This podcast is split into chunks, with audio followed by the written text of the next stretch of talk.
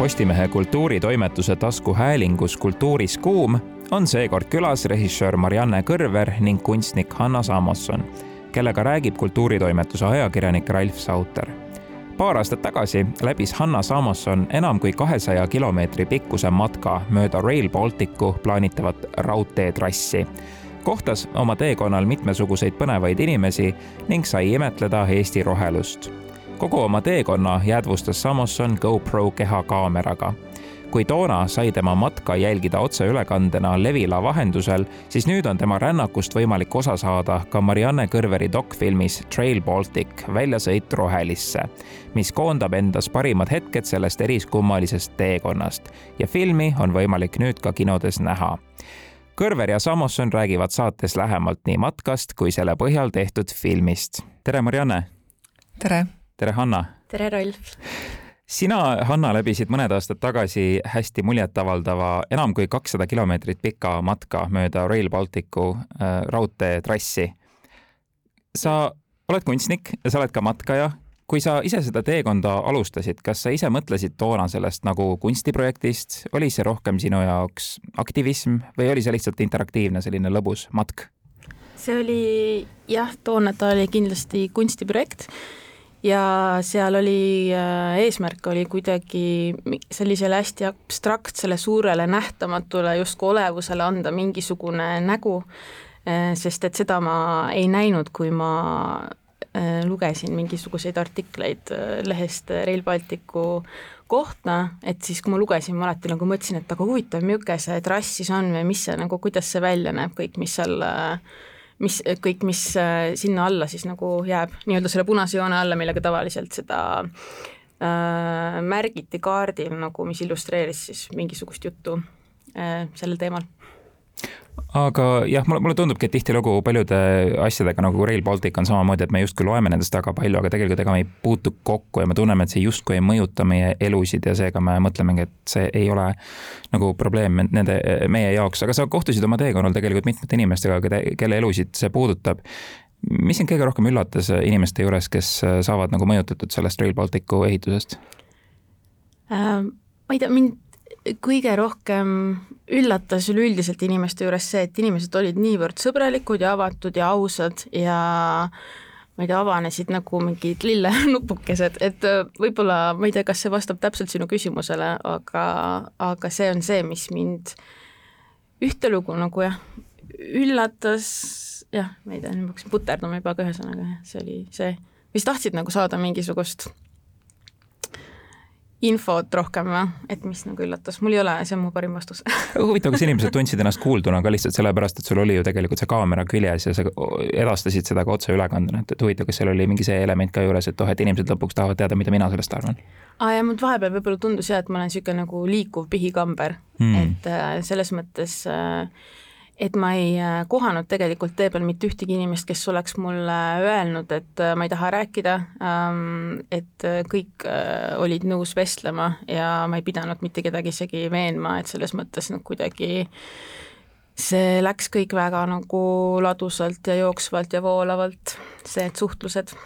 ja sa kõndisid kümme päeva kokku, on ju, üle kahesaja kilomeetri? tegelikult meil jah, alguses oli plaanis, et kümne päevaga seda teha, aga lõpuks ma tegin seda ikkagi kaksteist päeva, sellepärast et äh, osad vestlused kulgesid äh, päris pikaks ja siis äh, jah, ma nagu mõtlesin ise ka, et vaata, kui sa nagu tead, et tee peal on puud, et siis sa enam-vähem oskad arvestada, et kaua see läheb nagu aega, et sealt puust mööda saada, aga kui tee peal on inimesed, siis kunagi ei, kunagi ei tea ette, et kaua seal aega võib minna ja siis äh, jah, lõpuks tuli kaksteist päeva.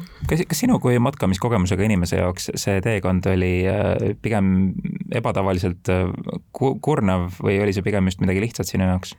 ma ütlen seda, et ma ei ole, ma ei ole tegelikult matkaja. no näed, aga filmist jäi mulje, et oled, nii et ei, ma jah, selles mõttes, et see on, aga, aga nagu äh, kunstniku, äh, kui nii-öelda kunstnikuna äh, tegutseda, siis selle võlu ongi selles, et ma võin võtta nagu absoluutselt ükskõik mis rolle ja see on nagu ettekääne ükskõik milleks, et mul on küll tegelikult aastate jagu kogemust, kogemust orienteerumisspordis mm., nii et võib-olla nagu see on miski, mis natukene nagu toetab seda, aga jah, see trass, või tähendab, see äh, retk ei olnud nagu üldse raske, see oli täiega, ma ei, ma ei tea, lihtsalt, äh, et see looduses liikumine, selline mitte ka kiirustamine, sest ma ei kiirustanud.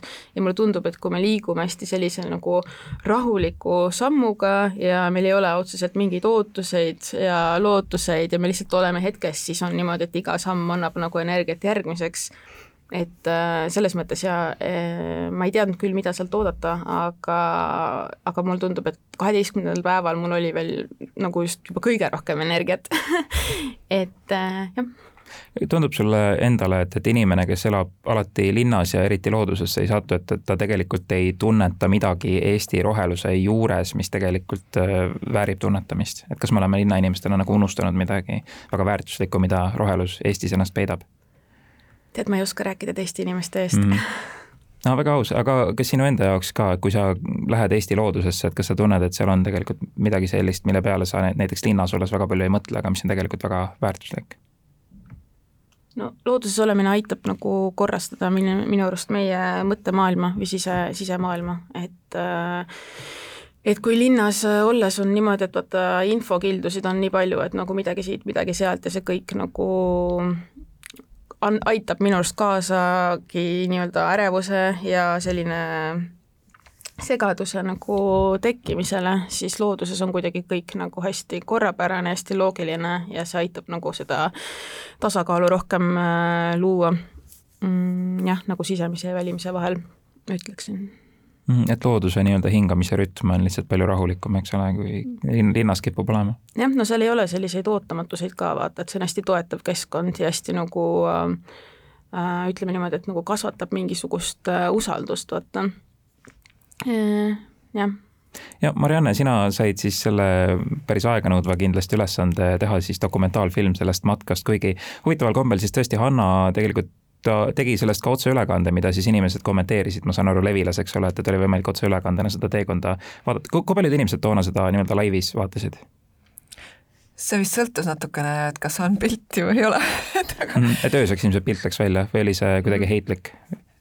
öösel ei olnud pilti jah, selles mm -hmm. mõttes see nagu algas ja lõppes minu kõndimisega ma ei, ma tean sellepärast äh,. ei olnud niimoodi, et keegi teeb õlle lahti öösel ja siis vaatab, kuidas sa pimedas lesida teed? ei no see oleks ja ei, see oleks küll äh, lahe jah, see oleks olnud juba vist mingi teine, teine teema. aga ma tean ühte numbrit lihtsalt sellepärast, et kui üks päev me koos Kristjan Kaunissaarega matkasime, siis ma mäletan, et nemad mingi hetk vaatasid telefonist, et mingi oh, siin on ainult mingi seitseteist inimest vaatab, et pooled mm. on meie töökaaslased, mingi jõu-jõu nii et sellepärast see number on mul meeles, et äh, muidu ma nagu teisi numbreid ei tea. Aga see kestis ju selles mõttes kaksteist äh, päeva mm -hmm. ja umbes, mis oli kaheksa tundi, üheksa tundi päevas mm. -hmm. et ma arvan, et see eraldi külastuste arv oli päris suur, aga sellised nagu püsivaatajad äkki mm oli, oligi mingi niisugune mm -hmm. kolmest viiekümneni, nagu see, kes hetkel vaatab mulle jah, meenub, et tegelikult mingi hetk Daniel oli väga õnnelik, nii et järelikult seal pidid olema ikkagi mingid suht head numbrid vahepeal Daniel ehk siis Levila boss. just, et see ilmselt hakkab levima hästi kergesti sotsiaalmeedia kaudu, et ohoo, vaadake, et see inimene rändab omaette kaameraga. see oli päris naljakas, et kui ma, ega ma ise ka iga päev nagu niimoodi Annaga ju kaasas ei olnud ja siis kogu aeg hoidsin silma peal ja siis oli päris hea teha nagu arvuti taga mingeid muid asju ja siis on nagu teine ekraan, kus on nagu niisugune ühtlane hea rütmiga niisugune metsas sumpamine, et see tekitas sellise mõnus meditatsioon kõrval aga Marianne, sinu jaoks kindlasti oli, ma kujutan ette, üpris raske ülesanne võtta kogu see videomaterjal tegelikult, mida Hanna jäädvustas äh, metsas ja siis äh, vormistada see pooleteisetunniseks dokumentaalfilmiks. milliseid rõhuasetusi sa tahtsid äh, nii-öelda seada selles dokumentaalis? no mina julgen küll öelda, et see on üks mu nagu kõige keerulisemaid montaažiperioode, mis mul siiamaani on olnud mm. -hmm. sellepärast, et seda tehes noh, ma võib-olla isegi ei liialda, kui ma ütlen, et seal nagu oli mingi viis kuni seitse erinevat filmi oli selles materjalis mm, -hmm. kust oli siis vaja siis see üks ja nagu see kõige õigem nagu nii-öelda välja monteerida. et seal oli ju noh, kõige keerulisemad kohad olid just see, et et ühte, ühes mõttes, mõnes mõttes see nagu see trass, eks ole, määrab selle noh, et see, ma ei saa seda, ma ei saa alustada Raplast näiteks, on ju. et see noh, suund on see, et hakkab Iklast ja jõuab Ülemistele mm. -hmm. aga paraku nagu see, mis Hannaga juhtus äh, nii-öelda nagu äh, laivis, ei vastanud äh, nagu filmidramaturgiale mm. -hmm ehk siis, et ma ei saa öelda, et esi-, vabandust, esimesed pool tundi on hästi igav, sest et lihtsalt ei juhtunud, aga seal ei juhtunudki mitte midagi. et filmis see ei toimi ja siis oligi nagu noh, väga palju vaja mõelda, et kuidas see hakkaks kandma. ja teine asi muidugi on Anna enda nagu karakter, sest dokumentaalfilmis on alati see inimene, kes siis nagu ise ju läheb sinna seda nii-öelda kangelase teekonda läbima, et ka temaga peab mingi muutus toimuma või ta peab olema kuidagi karakter, kellel on võimalik kaasa elada et äh, sellega, selle peale oli vaja mõelda ja kui, kui palju teil mingit suhtlust äh, selle teekonna ajal tegelikult oli ja kui palju sa, Marianne, üritasid siis ütleme, suunata Hannat või siis äh, isegi võib-olla motiveeri-, motiveerida teda nii-öelda vestlusi pidama inimestega, keda ta kohtab või kas andsid talle täiesti vabad käed? pigem oli nagu selleks, me tegime kaks proovipäeva enne ära. Ah et äh, no hästi palju tehnilisi küsimusi, et kuidas, et see, kus see, kuidas see kaamerapilt oleks selline, et see noh, vestleja oleks kaadris, et see kehakaameras, Anna ise ju seda kaadrit ei näe, et äh, nägid või, ei näinud ju? ei no tegelikult saan vaadata küll, ma vahepeal ikkagi hoidsin nagu kehast eemal ja ma nägin seda, ma ikkagi kadreerisin. Ja, ja siis noh, et, et kuidas nagu neid vestlusi pidada, et millele tähelepanu pöörata, et mida filmida, et need meil oli nagu enne läbi räägitud, et ma nagu tegelikult selle matka ajal, noh, ma küll ei mäleta, et ma sind suunanud oleks väga, mis see ei, sa olid ei... nagu armastus, mis laseb kõigel olla, siis ma sain ja. olla mina ise sest ma kujutan ette, et kui sa näiteks ise oleksid dokumentalistina selle teekonna läbi teinud, siis äh, sa oleksid pidevalt mõelnud selle peale, et, et ma tahan, et nüüd mu filmis juhtuks see ja kuidagi üritanud võib-olla isegi alateadlikult seda natuke juhtuma panna, eks ole. aga kui keegi teine läbib selle matka ja sa annad nii-öelda talle vabad käed selle materjali filmimiseks, et siis tekib nii-öelda võib-olla selline lahkheli vahepeal, et, et issand jumal, et kas ta annab mulle piisavalt huvitavat materjali ja. ja see on selline huvitav nii-öelda filmi tegija ja, ja vaadeldava vaheline dünaamika, mis tekib. meil õnneks need proovipäevad olid nagu kuidagi nagu niivõrd edukad, et mm -hmm. see andis tegelikult nagu selle, et et noh, et oleme hästi põnevil, et mis juhtuma hakkab, et raudselt midagi nagu põnevat juhtub ja noh, tegelikult nii läkski. alguses oli, noh, minu jaoks oli see ka teistmoodi planeeritud, aga noh, minu jaoks see film kuidagi, ta hakkas iseennast nagu looma mm. -hmm. ehk siis minu algne plaan oli küll see, et ma mingi osa kindlasti matkan Annaga kaasa, e, aga siis ma murdsin jalaluu Hanna matk lükkus edasi sellisesse vihmasesse, sombusesse sügisesse. kui Hanna oleks ajaloo murdnud, kas oleksid selle ise teinud? Vot seda nüüd ei tea, see oli okay. nüüd hea küsimus sombune sügis, jah, seda oli filmist näha ja tõesti, ma küll kõh-, kõh, kõhedalt kuidagi tundsin, kuidas see, see märg sopp mulle ja peale igale... voolab läbi ekraani. parem ikka kui kõbra, põdra. parem ikka kui põdrakärbsed, ma tahtsin öelda kipsi küll enam ei olnud, aga ortoosiga ka nagu seal kändude vahel ja üle kraavide väga poleks nagu sumbanud. seda aga... otseülekannet oleksid väga paljud vaadanud, kui sa oleksid kipsiga hakanud seda tegema ja murtud jalaga. ja siis oleks pidanud kuu aega võtma siis äh, läbimise ajaks. aga lihtsalt see, et, et ma arvan tagantjärgi, noh, me mõlemad arvame, et see, et Anne oli üksinda ja kohtus nende inimestega noh, nii-öelda nagu nelja silma all, noh, ma arvan, et see filmi sellisele nagu vahetusele ja aususele andis väga palju kaasa ja mina küll mõtlesin selle peale, et Hanna kohati, noh ikkagi ma mõtlesin, et sa oled mingis mõttes haavatav, et, et sa oled üsna lagedas piirkonnas, kus tegelikult inimkontakti võib ette tulla väga vähe ja vähemalt mina, kui mina hakkaksin sellist teekonda ette võtma, ma küll mõtleksin, et õh, kellega ma nüüd täpselt kokku puutun, vähemalt sul kaamera ilmselt oli selline turvatekk, et kui sa ikkagi oled sellise GoProga, et siis inimene saab aru, et, et ei, ei maksa midagi ohtlikku teha, eks ole. Tead, ma olen vist väga naiivne ja usaldav, ütlen mm. ma sinu jutu peale, et ma nagu mingit hirmu küll ei olnud aga jah, selles mõttes selle kaameraga jah, loomulikult on mingis mõttes on nagu võib-olla turvalisem.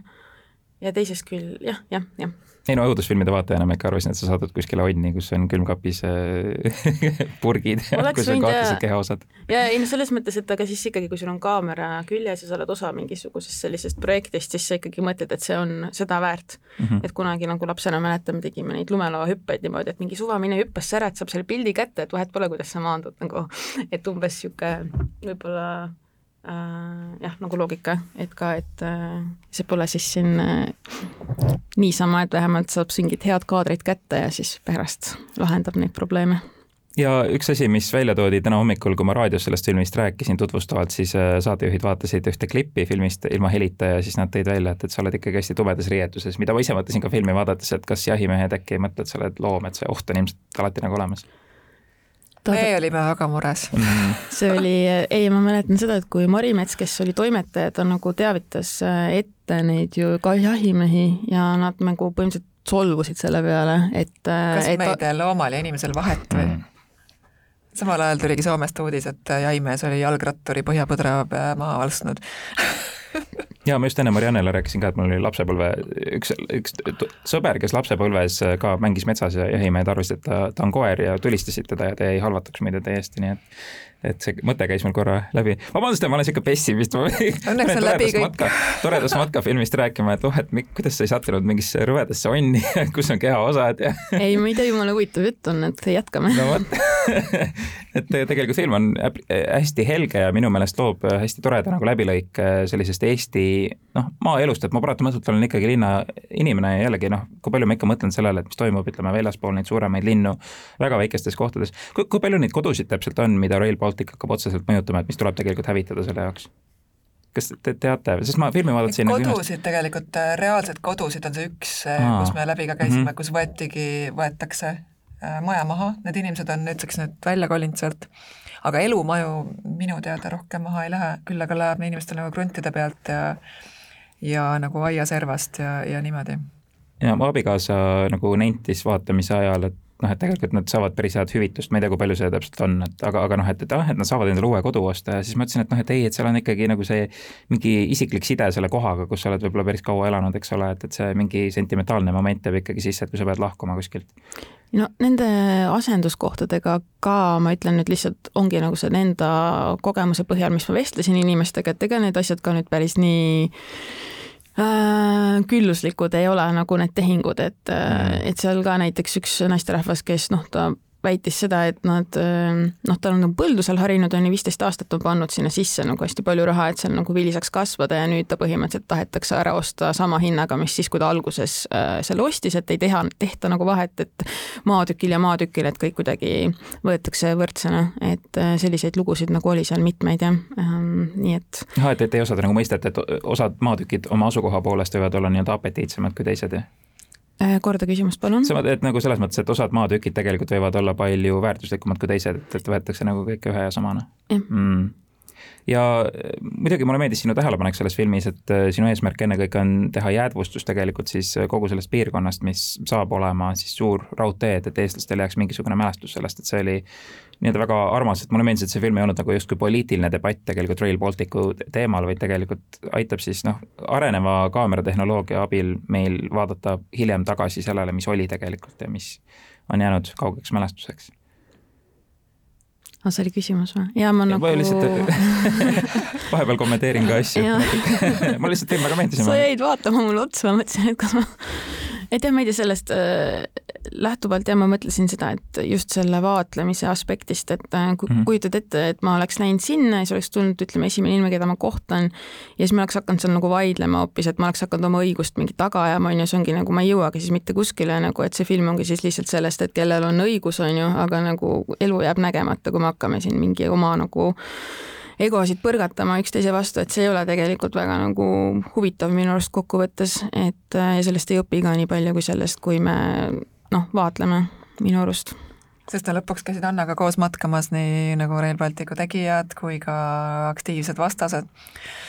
aga noh, mingi, mingis variandis olid isegi nad sees meil filmis ka, aga siis lõpuks tundus, et et las see debatt jääb nagu filmist välja, et see ei ole nagu selle filmi teema seda enam, et isegi filmis nagu see Rail Baltic on isegi natuke kauge kummitus, et seda justkui ei ole veel, aga alati inimestel on hingel justkui see, et, et ta saab olema, aga kui need inimesed, kes on otseselt seotud sellega, oleks nagu filmi sisse tulnud, et siis ta ei oleks enam olnud see kummitus, vaid tegelikult juba midagi käegakatsutavat. jajah see Rail Baltic on niisugune kummaline ükssarvik, et ma isegi ei tea nüüd, kaugel nad selle ehitamisega praegu on, et, et jah, nagu ükssarvik selles mõttes, et justkui kuuled sellest, aga ise oma silmaga nagu näinud ei ole, et, et ta ongi selline mingi kauge ja veider asi, et Nad sõid eelmise aasta detsembris, käisid seal Mäliveres uuesti, et mm. inimesed olid välja kolinud sealt, et see oli see see oli seesama kodu, mis jaa, see, mis päris lõpus seal oli, kus olid need uudise pealkirjad peal mm. -hmm. see lumine maastik peale juba Ülemistesse jõudmist. kui sa vaatasid seda kohta paar aastat pärast oma matka, et, et kas tekkis selline nagu kibemagus-tunne selle peale või?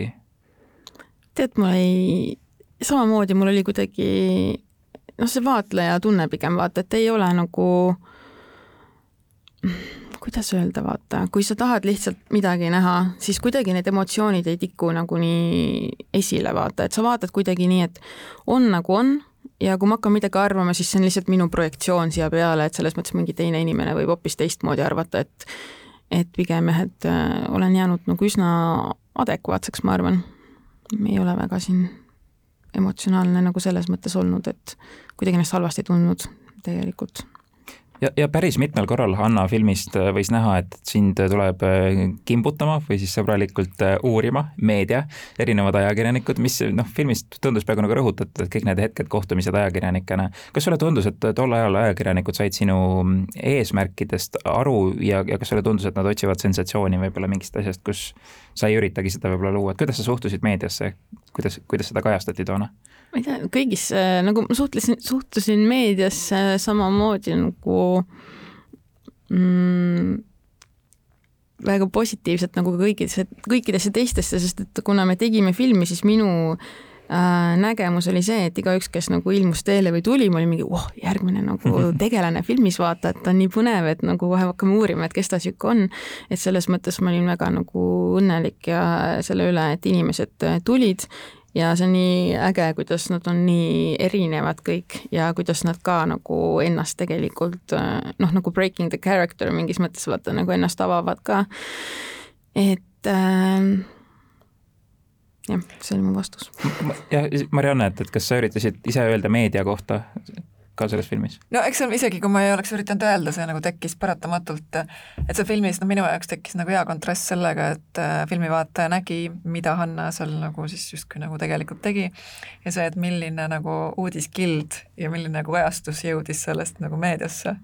et minu, minu jaoks oli nagu noh, paras nagu kontrast ja noh, sellest on võimalik teha ka nagu teatud üldistus, et et mis noh, mille kaudu me nagu saame tegelikult infot, et milliste selliste meediakildude kaudu ja mis kas see on siis nagu adekvaatne või mingis nihkes või eks igaüks saab omad järeldused teha sellest muidugi. mida need uudised ütlesid toona, mis ilmusid seoses selle matkaga? mis hoiakuga need olid? ja ma mäletan üks, mis oli sorry, nagu mega naljakas oli, nagu tegelikult oli hullult nunnu nagu see Pärnu Postimehe poiss, ta nagu hullult ajas mind taga ja siis me nagu täiega leppisime, nagu kuidagi hästi palju eeltööd läks sinna, et me saime lõpuks kokku ja siis me tegelikult ka vestlesime pikalt. Äh, see, kellega me siis seal surnuaias kohtusime.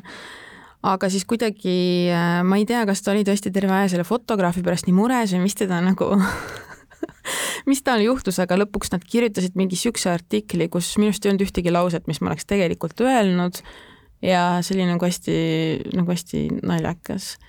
siis ähm, mis see küsimus oli täpselt, et sa ja millest need uudised täpselt Aa. rääkisid või mis see nii-öelda hoiak oli nendel uudistel? Ma ei tea ja siis äh, teine, kes need olid seal TV3-st käisid, ma ei mäleta, nad ka nagu uurisid. see Vihmase reporter, kes Vihmases jooksis, see lugu ei tulnudki kunagi välja, nii et ma ei tea, mis sealt oleks. minu arust sellega, minu arust sellega jäigi metsa see oli nii, see oli üks täiega mu lemmiktüüp ja nagu täiega tervitan, kui ta kuulab, see oli nii Mul positiivne ka. kohtumine, aga minu arust seal oli see värk, et äh, kogemata tulid TV3-st nagu nii nemad, tema kui siis tuli see duubel ja siis vist oli see, et nad ei tahtnud nagu kahte uudist äh, lasta välja, minu arust isegi tema, midagi, mida ta filmis seal võib-olla kasutati selles duubliklipis ka või, ma pole päris kindel, aga mina, mulle midagi niisugust jäi nagu meelde. aga ühesõnaga jah, see tüüp oli nii tuus, ta oli just saanud sel päeval uue GoPro kaamera ja tegelikult on nagu täiega materjali sellest, kuidas ta nagu ja kuidas öeldakse, nagu hullult fännab seda kaamerat ja räägib, mis uued funktsioonid sellel on. oota, ajakirjanik ja, ja see Virgo või mis ta nii oli, mis ta nimi oli, see,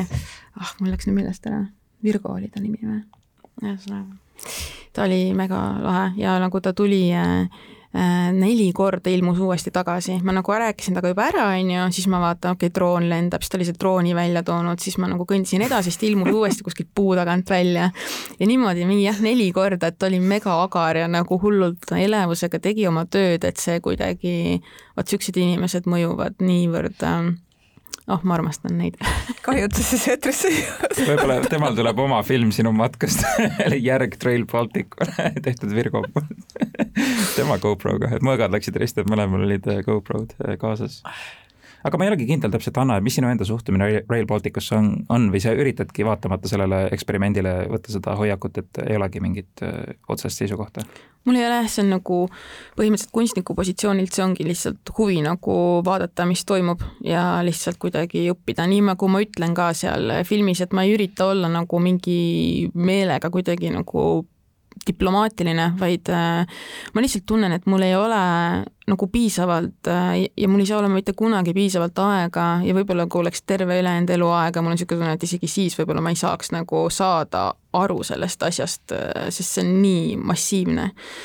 Ja sellepärast ma lihtsalt läksingi ja vaatama, et mis ma sealt kätte saan ja mis ma, kuidas mina saan nagu kuidagi panustada, kuidas ma saan ise teha midagi loomingulist sellest kõigest lähtuvalt ja võib-olla siis see kuidagi innustab või inspireerib või annab ka midagi nagu edasi teistele, et äh, jah, see oli nagu see plaan ja, ja mul ei ole jah, selles mõttes vist seisukohta, kuigi mul on, okei okay,, mul on see seisukoht, et siiski asju võiks teha nagu mm, vaata, kui keegi näiteks tuleb külla, teed talle võileiba, on ju, või noh, nii palju, kui mul on keegi teinud, ma lähen külla, keegi teeb võileiba, see on alati nagu maailma parim võileib, siis mulle tundub, et et see pole lihtsalt nagu mingi niisama öeldud, et äh, armastusega asjade tegemine, et see on nagu päriselt ka, kui seal on see armastus sees, siis sellel asjal on mingisugune väärtus. Ja minu küsimus on lihtsalt jah, see, et kas see raudtee nagu on armastusega tehtud või mitte. okei et Rail Baltic on siis nagu see võileib seal ja siis sa sööd seda ja mõtled, et kas see on ikka armastusega, selge pilt.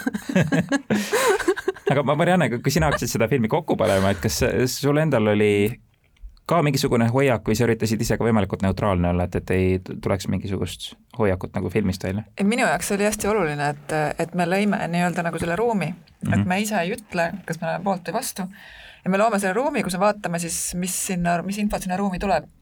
ja noh, nii kommentaaride kui ka nende inimeste, noh loomulikult, kelle kodudest või aedadest või metsadest need, see raudtee läbi läheb, et no ilmselgelt tuli nendelt nagu rohkem seda negatiivset hoiakut.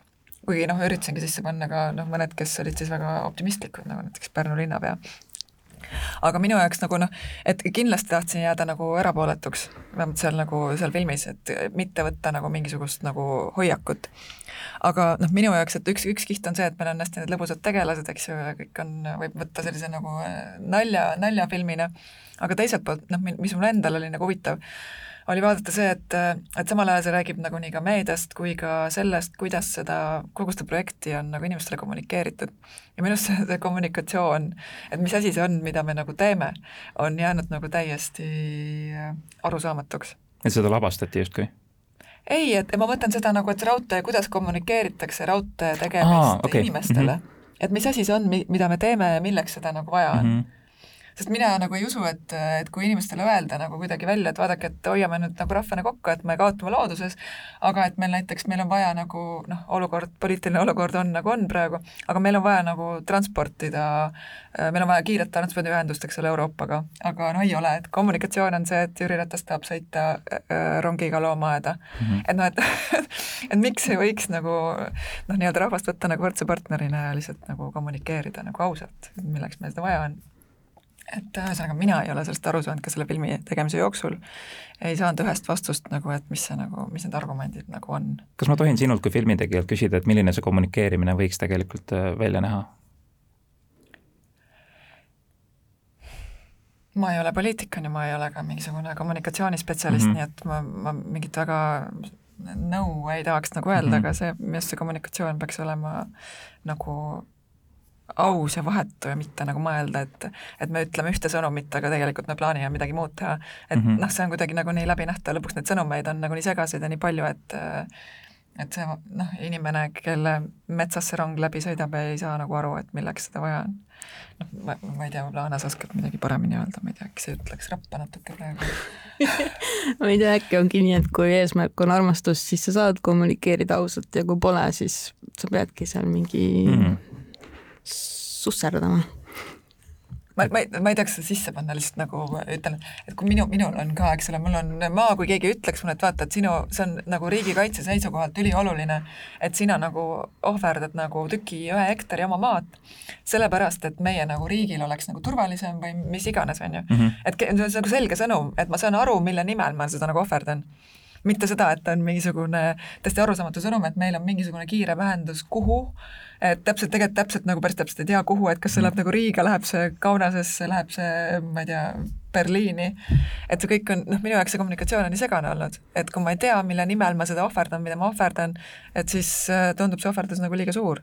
aga ja... kui keegi ütleks mulle otse, et ma ohverdan nagu selle konkreetse asja nimel, et siis noh, ma arvan, et inimesed tegelikult on, nagu Hanna kogemuski näitab, et on nagu vastutulelikud ja, ja arusaajad, kui neile antakse see võimalus jah, ja muidu vastasel juhul ka jääb mulje, et, et seda ehitatakse lihtsalt mingist lapselikust ehitamise rõõmust, et Just. saaks midagi uut teha ja samas ei kommunikeerita seda eesmärki ja, ja mis, mis kaob sellega jah, ja kuna seal on ka nii palju neid igasuguseid projektikirjutajaid ja kes nagu noh, selles mõttes, et saavadki selle eest palka, et seda sõnum, mingit sõnumit kommunikeerida ja neid projekte kirjutada ja see on nende töö, aga see ei ole nende nagu huvi, et siis nagu see, need käärid on seal ka nagu nii läbinähtavad sees. ma ei tea, äkki seda ei peaks sisse panema, mida ma praegu räägin miks mitte ma nagu ma, ma räägin, nagu ma teaks, millest ma räägin, mul on nagu mingi seisukoht, ma tean, kuidas need asjad peavad käima. tegelikult ei ole nii, ma ei tea, kuidas need asjad peavad käima. ma olen filmirežissöör. kas, Hanna, sellel teekonnal, mis sa läbisid, kus kõige rohkem oli tunda sellist nii-öelda Rail Balticu hõngu, et kas olid mingisugused punktid, kus oli eriti aru saada, et midagi hakkab seal piirkonnas toimuma? see oli, mis on see liiklussõlm või mis ehitati sinna? Peetri või? ei mm? -mm see, kus see jahimees oli? ma ei, aa, seal ta, taga, seal ei, Männikul seal appi, mul ei tule need kohanimed meelde. Tallinna lähedal või? no see suur liiklussõlm, vaata, mis tehti sinna, suurbetoonist tõsteti mingi maad. see Tallinna ringteel või? mina ei tea sellest ehitusprotsessist midagi, kas see algab pigem sealt Tallinna poolt ja siis liigub sinna Ikla suunas või ei tea? mina sain aru, et nad ehitavad kõigepealt viaduktid valmis mm.. sain, vist sain nii aru, jah mis jällegi võib-olla näitab seda kommunikeerimise osa, et tegelikult jällegi selline hämar, kuskil on mingi Rail Baltic kummitusena, aga tegelikult jah, ainult need projektijuhid ja inimesed, kes sellega otseselt tegelevad, siis nagu teavad seda tervet pilti.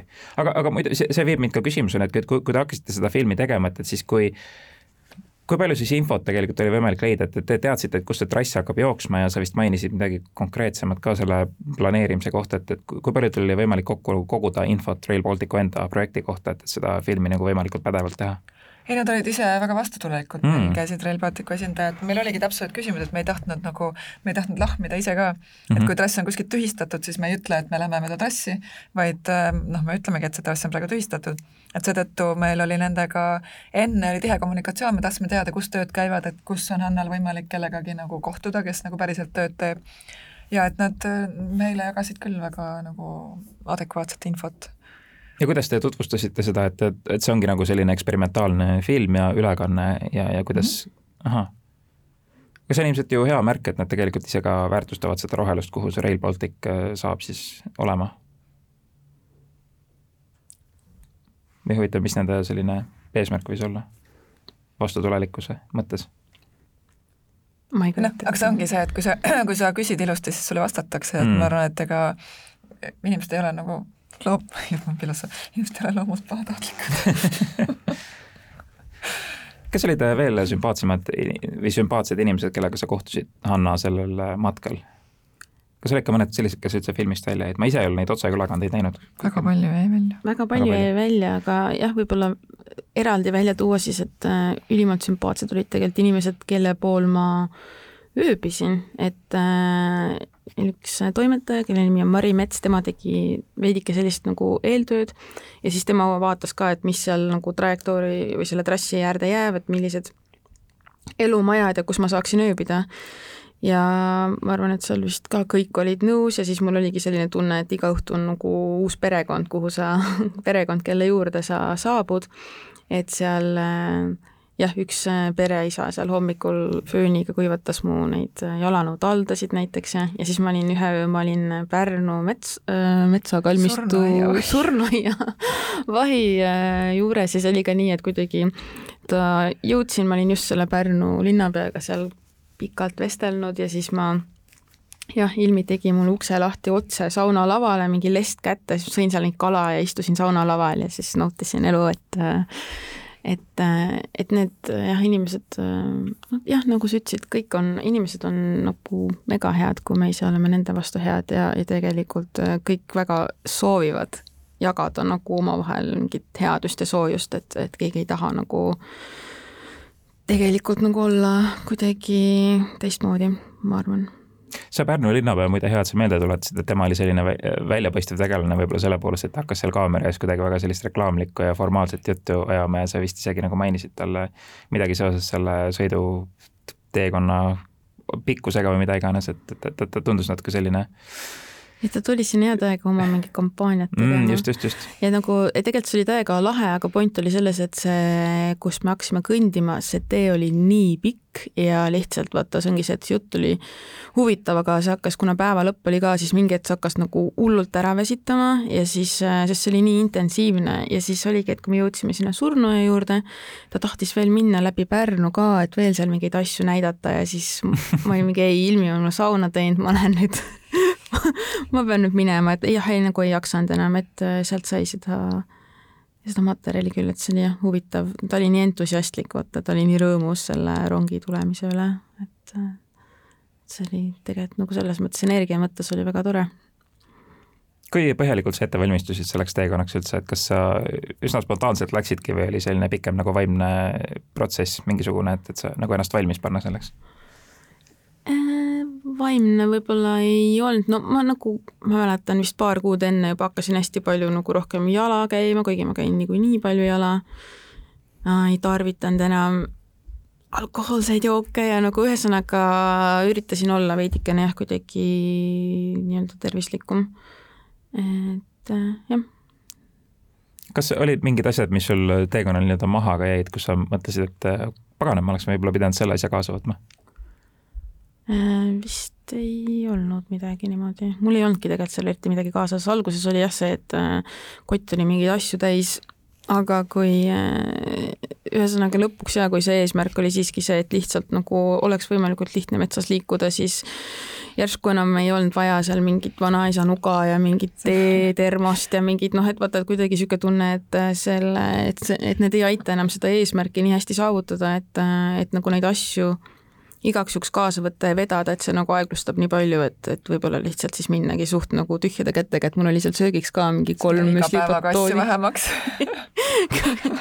jah, et ah, jah, jah, jah. ja vahepeal, kui su kotti näidati, siis sul olid mingid juhtmed seal ilmselt selle GoPro ja asjade laadimiseks, eks ole? ei, see oli enamasti tegelikult, mul oli mingisugune suur, äh, vabandust jah, ma ei tea täpselt, kuidas seda nimetada, aga mingi saatja või, või selles mõttes, et see oli selleks, et saaks üldse ülekannet nagu teha, et see, mis ühendus siis nende erinevate võrkudega Mm, et levis olla, et see oli nagu niisugune suur aparaat, aga jah. Ja Marianne, minu meelest on hästi lahe, et sa kasutasid GoPro tehnoloogiat, et noh, räägitakse hästi palju sellest, et tehaksegi rohkem filme, kuna lihtsalt kaameratehnoloogia uueneb, kaamerad muutuvad väiksemaks, odavamaks, kõik see protsess tegelikult lihtsustab filmide tegemist, et ähm, kui palju sa pidid mõtlema, et, et kuidas nii-öelda tehniliselt seda filmi teha, et kas see GoPro tundus sulle loomulik lahendus või sa pidid natuke eksperimenteerima, et kas see on piisavalt nii-öelda professionaalne nii-öelda vormistus sellele filmile või kuidas? no eks tegelikult oligi nii, et ma üritasin ise käia Hannal no kuna ma metsas käia ei saanud, on ju, et siis pidin nagu teelõikudel, kus ma sain jalutada nagu sirgetee peal, tulin Annale vastu ja siis, siis ma noh, ise filmisin Annast plaane, lisaks me käisime toimetaja Mari Metsaga, käisime äh, põhimõtteliselt kõik need kodud, kes ja maaomanikud, kes jäid sinna trassi peale, käisime nendega veel eraldi intervjuusid tegemas, sest algselt oli natuke teine plaan, kuidas seda filmi kokku panna. Äh, aga no see GoPro materjali osa on algusest peale, on teada, et sellest tuleb nagu filmis suur osakaal, aga võib-olla algselt oli seda vähem planeeritud, jah ja alguses oli täiesti nagu hoiatus minu meelest, et see võib natuke sisaldada kõikumist seetõttu, et kuna kaamera tundus, et see on vajalik ja kuna selle heli ka, et et aga noh, vahel ongi nagu see, et see nii-öelda see idee pühitseb nagu abinõu, et et no mis siis on, et kas see on, see on tehniliselt täiuslik või see, et meil on mingi materjal, mida kuidagi teisiti kätte ei saa et tundus, et see viimane variant on meie filmi puhul olulisem. millised riskid veel kaasnevad sellise eksperimentaalsemat laadi dokumentaalfilmi tegemisega, kus sa pead usaldama mingi inimese teekonda kuskil ja, ja et ta saaks seda head materjali sulle? No vot, ma arvan, et siin ei olegi mingit nagu tehnilist saladust, et see on äh, sisetunde küsimus, et sa usaldad seda, et see, mida sa teed, on õige. ja siis tavaliselt asjad juhtuvad, see on see dok-, dokumentalisti õnn või? kui, kui hea kontakt sul Hannaga üldse enne seda oli, kui ta seda teekonda alustas, et millised nii-öelda läbirääkimised teil olid selle projekti suhtes? me tegelikult saimegi umbes pool aastat varem tuttavaks selle projekti kaudu aga noh, minul on küll Hannaga nagu algusest peale nagu väga hästi klappinud, et meil on noh, kuidagi nagu samas vaibis oleme vibreerinud, et äh, seetõttu see, noh, ma ei pidanudki väga palju mingeid sisulisi juhiseid andma ja mingeid sõnu peale lugema, et et mulle tundus, et me saame mõlemad ühtemoodi aru, et sellest, mida me sinna tegema lähme ja pärast seda matka, kui sa hakkasid dokumentaali kokku panema, et kas Hanna, sa osalesid selles äh, nii-öelda dokumentaalfilmi montaaži protsessis ka või andsid Mariannele vabad käed? Ma saatsin talle lihtsalt, nagu mul olid endal seal mingisugused äh, siis noh, ikka vaata, jäävad meelde mingisugused võib-olla paremad kohad või et siis ma ikkagi saatsin neid Mariannele, et, et ta nagu et kindlasti Äh, neid, nendest nagu üle ei vaataks, sest et seda materjali oli tõesti palju ja oli ikka koht, et ta võib-olla ei, ei pane kõike tähele, mis seal oli, et selles mõttes ma jah, nagu mingit asja saatsin, aga ma selles mõttes see, mis ta sellega edasi tegi, oli juba tema enda otsustada, et ma jah, rohkem nagu ei osalenud. Et kuigi ma vist tahtsin küll talle mitu korda külla minna, aga ta kunagi ei kutsunud. Sa ei öelnud, ega ma ei keeranud seda aga see on täiega okei okay,, sest äh, ma ei tea, jumala jah, väga hea, minu arust väga hea asi tuli ikkagi lõpuks välja, nii et, et tõesti, me oleme täiega samal lainel, nagu sa ütlesid, et see on äh, lahe, et nii juhtus. olin küll nagu korduvalt seal montaažiruumis totaalses hädas selle materjali hulgaga ja siis äh, lugesin Werner Herzogi selle Rogue Film School'i neid mingeid intervjuusid, mida Werner Herzog oli andnud.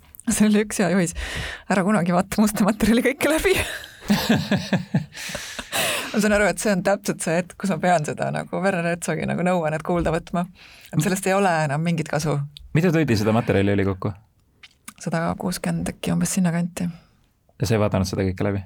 ma ütlen ausalt, ma seda lõpuks, ma vaatasin pool materjali läbi, ma vaatasin järjest läbi ja inimese ajumahul on nagu teatavad piirid Yeah. et minu nagu isiklik ramm sai täis, ma, no see nagu see kettaramm selles mõttes, sise, sisemise kettaramm, ma sain aru, et ma vaatan selle küll läbi, aga ma juba enam ei mäleta, mis oli nagu noh, eelnev.